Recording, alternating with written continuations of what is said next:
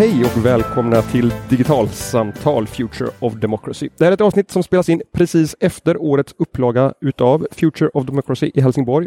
Och det kommer bli engelska, uh, because I'm going to introduce you to Mark Wolf from SAS Institute. Hi Mark. Hello. You are uh, the Chief Health Analytics Strategist at SAS Institute. Yes, uh, I work for SAS Institute. Uh, SAS, uh, not the airline, is the world's uh, largest privately held software company uh, based in North Carolina in the US. Uh, we make statistical software, software that does analysis across many, many industries, uh, very important to many industries. I work in the Health and Life Science Group, uh, where I focus as a consultant, uh, basically translating the application of machine learning and AI to problems in health and healthcare. Your presentation here, you, you started with an observation about data being collected about us. Yes. Without us knowing that the data is being collected fr from and with the help of our phones. Absolutely. I think many people, even though they have uh, uh, a technology that they wear, uh, their phone, which they keep in their pocket, uh, iWatches, and, and other technology, I don't think they're aware of exactly how much data those devices are collecting. And not just collecting raw data, like how many steps, but those devices are analyzing those steps and collecting data about your balance, the symmetry of your body, uh, the amount of energy throughout the day that you have.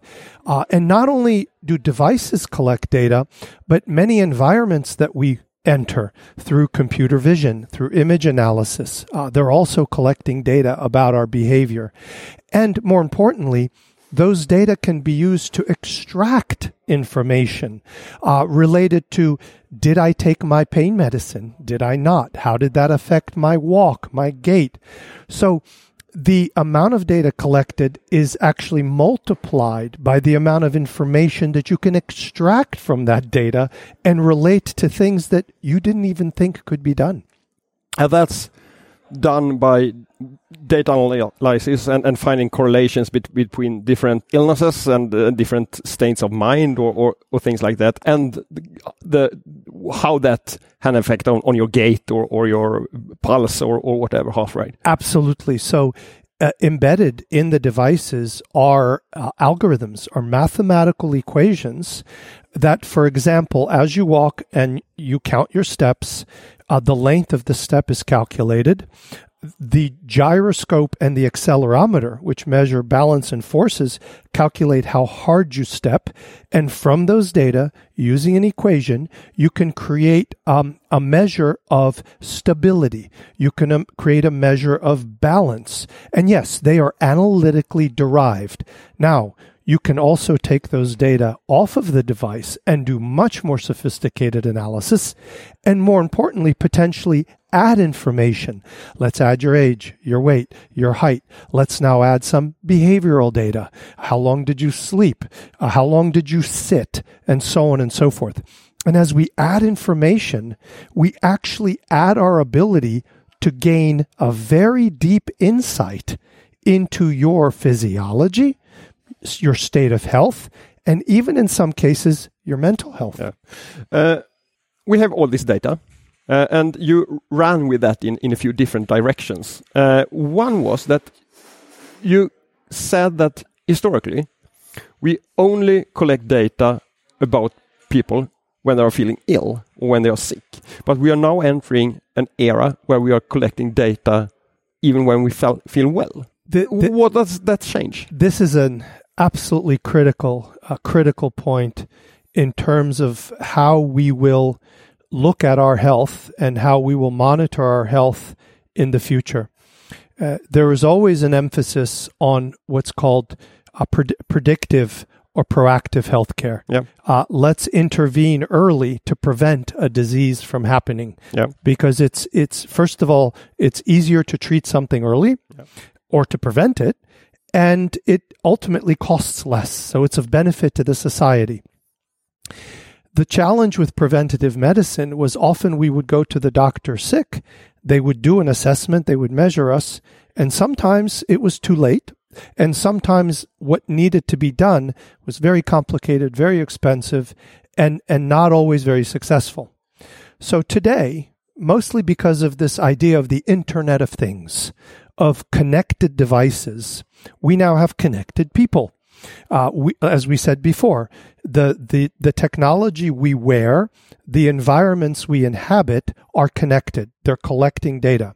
So now imagine if we could collect data from our physical person when we are not sick, as you said. That is normally not done. The value of that is that when we are sick, we now have something to compare that to. Well, how sick are you? You have a baseline. You have a baseline. And nothing is more important in medicine than the baseline, right? We, we, we take our body temperature, but that body temperature is only important relative to the baseline, which is normal body temperature, 37. Uh, we, we take all our blood pressure. Well, my blood pressure is a little high, for example. Well, maybe that's my baseline. So if it goes up even more, relative to my baseline is maybe different to yours. So the idea that we can collect data when we're not ill, use those data to help clinicians and doctors relate our state of sickness to our state of health should improve the diagnosis, should improve what they recommend as a treatment, and ultimately will benefit in terms of the outcome. Uh, I know that there's been several studies done over the years where uh, institutions tried to collect baseline data from populations. They've not been very successful because nobody wants to come into a clinic to be measured. It's too much trouble. But collecting these data off our devices is troublesome. It's it's passive. And and the question though is, what do we do with it? Yeah. Do we share it? Do we donate it? Uh, do we only use it for my health? Uh, that is an important question. Yeah. You, you make a distinction between personal health and public health. Absolutely. So I very much believe that uh, part of understanding our state of health is, is that there are two baselines. There is my baseline, and there's the population baseline. So, what does somebody like me, what should they experience at my age, uh, at my weight, at my height, with my his- history? Other people like me, what is their experience in the healthcare system? Then there's just me. How do I experience my health with my physician? Now, knowing the baseline for me personally and knowing my place in a population informs the doctor even more. So here's the question that we have to ask. There's value of my personal data to help me manage my health, but there's tremendous value of my personal data in the aggregate, put together at a population level that we now understand. For example, let's say I'm taking a blood pressure medicine. Well, before you even give it to me, what are the data of other people like me that were given that medicine? Maybe it doesn't work very well. So let's not even bother trying that medicine. Already we've saved time, money, uh, and we have an insight to say, Mark, at your age, with your condition, this drug is not appropriate. So, this idea that personal data and public data exist, they both have benefit, they both have good. The question is, how do we use it? What are the implications of me sharing my data at those two levels? And isn't it an obligation? Uh, this is getting to a really interesting question because, as, as you say, Anders, me as a private person, would probably like to to have better health care provided to me by analysis of my data. And at the same time, I'm I might be hesitant to share my data for others to analyze. Yes in the aggregate. Yep. So, so, so how how do we strike that balance, and and how can we get people make informed decisions about whether they want to to share their data to the larger pool for the benefit of all of us? I think it's a it's a critical question because the there is a tremendous need in advancing research in healthcare towards the goal of addressing chronic disease, uh, aging populations, uh, populations with, with comorbidities, where governments and the people who pay for health care need guidance and need direction to understand how best to invest Yeah. the resources, Mm. who to help first, and where will we get the most benefit from helping. Institutions and governments can't make that decision without good data, population level data. So, as a citizen, uh, there there is value in me participating in democracy by voting, Yeah. influencing how these governments uh, run. But there's value in me as a citizen contributing those data for my government to make better decisions around healthcare. I think from a privacy level, if you aggregate hundreds of thousands and millions of people and you you anonymize the name i understand people are sensitive to say that well if i have weight height and uh, gender already i can probably you know narrow down and identify you well if you're one of a million i think the risk or danger of privacy is very low if any so it's sort of in mathematics we call it the theory of large numbers Yeah. right? You can get lost in a large data set. So I think people shouldn't really put too much pressure on saying, oh, you know, I'm afraid of, of, of this being leaked. Ah, You're one of millions. Uh, You're lost in a crowd. On a personal level, sharing that with my doctor, I think is critical. I'm just going to stay on that that large number uh, before we go, go into into the use cases and, and the consequences because when we are talking about biometrics uh, and and risks with that, sometimes uh, people uh, say that there is that the algorithms isn't perfect, so so they can think that it was you who were at the scene because there was some failure wi- wi- with the face detection, etc. Uh, and that would be a problematic thing in a crime investigation. But the same thing is actually what what kind of protects your privacy in this occasion. That is perfect. You, uh, you've really, really addressed the issue perfectly. Um, you, you know, the best place to hide is in a crowd. that's that's sort of the saying. Now, I understand uh, that um, those those those biometrics could be used, but you know, those data can be protected if if the health ministry owns those data and they are used for public health research. There's no reason why, let's say, uh, a police investigation would have any right to see those data. They've been anonymized, uh, they've been sort of cleansed, if you will, and they're only good for studying healthcare. Yeah. And I think there are levels of protection. There's this large numbers. There's the fact that those data were particularly constructed for health analysis, which makes them less useful for any other uh, uh, purposes. Um, and let's be honest, uh, as citizens, do we have an obligation Yeah. uh, to contribute? Because contributing to public health contributes to your personal health. Yeah. Uh, on my left wrist, I'm wearing an Apple Watch. Yes. On my right index finger, I'm wearing an Oura Ring, and in my pocket, I have an iPhone. So I'm already collecting a lot of data about myself that I share with private companies, and I, Yes. do, I do that knowingly. Yes. For the most part. Yes. Um, but have you seen any good ideas, schemes, structures for, for actually providing that data not only to the private companies who have developed the gadgets I'm, I'm, I have opted into, but also sh- actually take my data and share that with, with the public healthcare sector? So I'll give you a, a very uh, quick example uh, that maybe gives you an idea of how that could be done. Yeah. So when Apple was developing uh, the iWatch and it first became waterproof, well, of course, the first question is, well, swimmers would love this, Mhm. right? So the Apple said, okay, well, what can we do to make this uh, device uh, attractive to swimmers? And what I'm getting at is, what can we do to make these devices attractive for people in terms of healthcare? Yes, we have Health Kit, we have health apps, but but we can go beyond that. So what Apple did was they they asked, uh, I think it was almost 2,000 swimmers to put the watch on and just jump in the pool. They jumped in the pool and they started swimming. All ages, all sizes, all all abilities of swimming. When they came out of the pool, what they did was uh, they brought those data together and they did something called feature extraction. They identified the elements of the data, only the elements of the data that were related to each of the four swimming strokes. then what they did was they encoded that into the phone. And, and this is an important story in terms of devices in healthcare.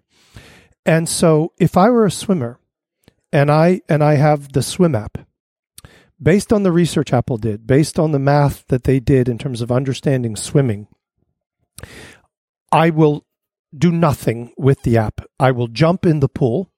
The phone knows I'm in the water because of how I float. So it says, okay, you're in the water. You're swimming. I start swimming. After a few seconds, it goes, okay, you're doing backstroke. It knows that. Then it says, okay, based on backstroke, you're burning this many calories. You're swimming so fast. So I get out of the pool and it knows I'm done. Here's the point of the story I didn't have to touch my device. It was intelligent Yeah. based on the math. Yeah. It knew I was swimming. Mm-hmm. It knew what I was mm-hmm. swimming. It knew how many calories I burned. It knew what kind of my heart rate and so on and so forth. When I got out of the pool, it stopped. When we make these devices convenient at that level for collecting biometrics about our health, and it's it's easy to to then say I'm going to connect this to my doctor's office. Yeah. That is when that convenience will drive what we call adoption. Yeah. Yes, I want to Yeah. use it Okay. because I don't have to interact with it. And then more data will be collected, higher quality data will be collected. And what may happen, what may also drive us to use it, is I may get an email from my doctor saying, Mark, we've been monitoring this particular parameter and we think you should come in for a visit. So, so what you are saying is is that the way for the public healthcare system to start collecting the data is to make it easy and prove the value in donating data. exactly. Make it as easy as possible so you don't have to ask me Yeah. to do anything. hmm and then put it in a context, put it in a way such that, for example, my doctor's office privately and securely is monitoring these data and they can alert me hmm of maybe a dangerous heart event Yeah. that I didn't even see. And so now my ability to have uploaded those data has saved my life. C- can you think of or, or, or give any examples on on kinds of data that would be less frightening to share in that way? That that would pr- be, be a, a good starting point for the public healthcare sector to, to, to, to start working in this way. Absolutely. And and and some of this it could be so simple. So if I, for example, share the number of steps a day, Yep. which every device collects, and um, then I also share the rate of of over time how many steps, which is basically a function of speed. It's very simple to to look at an average over some weeks and say, okay, your your your it's not just that your step count is changing, but the speed is changing, and you're covering less distance in more time. And then you look that your heart rate is increasing. Just those three things could point to uh, cardiac issues Yeah. congestive heart failure, onsets, early onset, and now you can get treated early. So, oh, here's here's an amazing uh, uh, possibility. Uh, So, diabetics hmm experience uh, something called neuropathy. So, because of the way the the capillaries and the blood vessels in the foot are designed, uh, that excessive amounts of sugar in the blood, lack of sugar control, causes those those nerves to die and you don't feel your foot and mm-hmm. then you get injured and so this is why diabetics often have amputations and serious problems well you can measure how hard your foot hits the ground because the, the your phone and your iWatch will record the G forces. You can monitor a person that is pre-diabetic for how hard their foot hits the floor. When they start hitting harder and harder, it me- because it means they're losing feeling in their foot. So you have the So they have to overreach that their impact to they don't even know it. Yeah, they don't feel okay. it. Mm. So they step harder. Okay. And I spoke with, with clinicians who study diabetes and said, if we could intervene early on the early, early onset of neuropathy in the foot, we can delay amputation. We can delay the problems, the expensive, traumatic need of now not having a foot or a leg. So something as simple as the force of your foot on the ground with you having risk for diabetes can actually improve early detection Yeah. and prevent serious consequences much farther down the road and and be of benefit to a more normal and functional life just from how hard your foot hits there are no privacy issues with how hard my foot hit the floor But are, are, are you really certain about that? Because I, I, I mean, thinking about what's running in parallel with the, with the public healthcare is the insurance business, and and well i- of course you know in if you don't smoke Yeah. you can get a lower rate Yeah. on life insurance so the question is if now i share those data with my life insurance Yeah. company or the government that pays for life insurance right uh, health insurance um i can already get a discount in the us if i don't speed and i don't drive a lot because i have a tracker on my car so if we do that to our bodies and now we have a variable rate Mhm. depending on how active I am, Yeah. depending on on my level of exercise, depending on on uh, other factors you can measure, my mobility, my stability. Uh, so I get a discount. The question is of equity. Yeah. Not everybody can afford more exercise, better nutrition. Not everybody can afford uh, a better technology. And so then, then there you have uh, the, your your in, inheritance from uh, yeah, uh, what you inherited from, from your parents as uh, well. genetics Uh, yeah, genetics. Absolutely. So so am I going then to be penalized because I don't have the means or the capacity to take advantage of technology to provide me cheaper insurance? That is a difficult question. Um, I think the answer, the only, well, in my opinion, one way to address this issue is that and, and this is sort of how insurance works in the US that the healthy pay for the sick, Yeah. right? So in this case, I think um, the discounts, if any, if that is the scheme, should be across the insured population. Yeah. So those that can afford it actually reduce the cost for the insurance company, but that also gets translated to those that can't afford it, and they, their costs come down as well. Yeah. So it's a classic insurance scheme, right? The healthy pay for the sick. Well, in this case, those that can afford to have their rates lower, um, maybe they're not lowered that much, and the the net goes to the rest of the people. I don't know. I'm not an insurance person, No, but, these but- are challenging questions. Yeah, but I'm also thinking that, that could you perhaps see a future where you integrate the insurance part with, with the healthcare part as well? Because i the, the, the, way you can do early detection will also lessen the burden on the, the, the healthcare system Correct. if, if done in the correct way. And, Correct. and then you could perhaps call, uh, uh, uh, adjust for, for the insurance injustices, so to speak, on the healthcare side instead. You you are absolutely right. You are a this is absolutely right. So the idea is if if we as individuals who have the means Yeah. to take advantage of technology and we have access to to early health care and so on, if we reduce the financial burden of the insurance company, does that go to their profits Yeah. directly? Or does that go to their other members, their other people, and, and help them? So that's a business model for the insurance company because you and I are going to cost the insurance company less. Yeah. What did they do with that extra Yeah. money? So, so, so, I mean, if you continue to do business as you always have, and then apply new technology, then perhaps new injustices will will uh, arrive. Yes. But if, if you take new te- technology and, and look at, at what the end goal is to, to, to make more people healthier and then reconstruct how you do that process in between. I, I agree with you. And you know, I just it just occurred to me in that scheme, of course, you know, the the if a small portion of people who are sick represent the majority of expense Yeah. in healthcare Yeah. cost. Because often the sicker you are, the more you cost, you're older and so on. But so 20% of the people are responsible for 80% of the cost. 80 20 rule, right? Yeah. Now, imagine if we save money on the 80% Mhm. and we put that money into the 20, saving some of that money. Yeah. So it's a net gain. Yeah. So so there is a business model here. We, nobody necessarily has to lose. But then you probably have to to rethink a Yes. lot of how the, the healthcare insurance and probably other parts of, of society is, is set up as well. Absolutely. If the insurance company says 50% of my people are sending me data about how healthy they are, Yeah. I can calculate what is my bottom line of savings from those people. And now you say, okay, what do you do with that money? Do you invest it in, in the sicker people and then bring your costs down even more?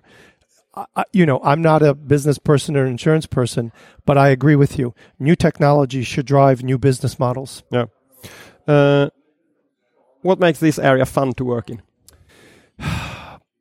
It's, you know, I started focusing on uh, Internet of Things because I thought it would be transformational in healthcare.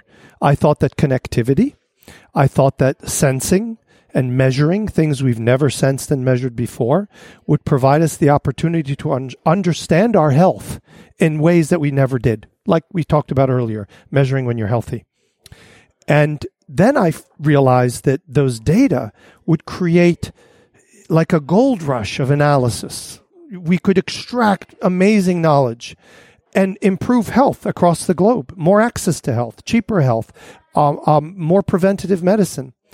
But of course, some of the old historical roadblocks are still there privacy, uh, fear uh, of misuse, uh, um, inequity, uh, that, that technology is only for those that can afford it. Uh, iPhones are not cheap, right? So, to your point earlier, yes, it's exciting. There are opportunities. Technology can drive change like never before. But we also realize that that technology uh, can create inequities. And even at the level of the analytics, we now have this concept of AI bias, AI algorithms not being fair, not being equitable, uh, and needing to be stopped or checked. So it seems it's the classic in history. You create opportunity, uh, you create uh, incredible new technologies, and with that, not only comes benefit, but challenges and the details. The devil is in the details. Mark Wolff, thanks a lot for coming on Digital Samtal for a discussion on healthcare and data. Thank you. It, it is an exciting time. Uh, we are creating new forms of data. I think we have tremendous opportunity, but we also have to be uh, careful that we uh, uh, don't go too fast. Excellent. Thanks a lot. Thank you. Och till er som har lyssnat, tack för idag och vi hörs snart igen. Hej så länge.